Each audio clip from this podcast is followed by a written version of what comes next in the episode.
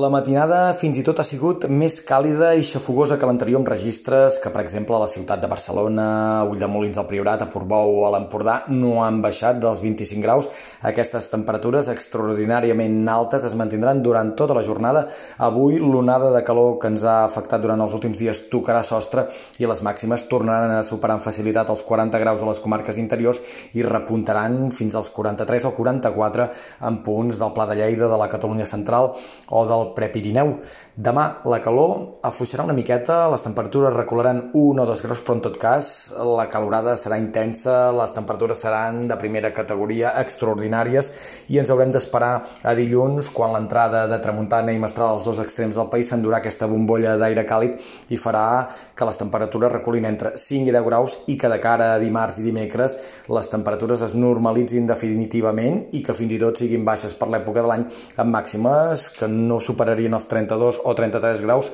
pràcticament en lloc de moment, però, aquest cap de setmana tocarà suar i ho farem també amb moltes hores de cel clar. Avui dissabte, amb un bon sol fins a mitja tarda. A partir d'aleshores, el pas d'una línia d'inestabilitat farà que creixin nuvolades al Pirineu en sectors de Ponent i que fins i tot descarreguin algunes tempestes seques que no portarien gaire aigua, però sí que anirien acompanyades d'aparell elèctric i de fortes ventades de fins a 80 o 90 km per hora. En tot cas, fenòmens locals i que afectarien bàsicament l'extrem occidental del país, en entre última hora de la tarda i primeres hores de la nit. Precisament aquesta nuvolositat, aquests núvols d'aquestes tempestes faran que la propera matinada encara sigui més xafogosa, més de mal passar. Demà una jornada amb moltes hores de cel clar, ja sense pluja en lloc, i de cara a dilluns, dimarts, dimecres, sembla que el sol s'imposaria gairebé sense excepcions, de cara a dimecres, dijous, tampoc hi ha grans perspectives de que arribi pluja al nostre país, però sí que alguns ruixats afectarien dimecres al terç oest de Catalunya i de cara a dijous al terç nord del país.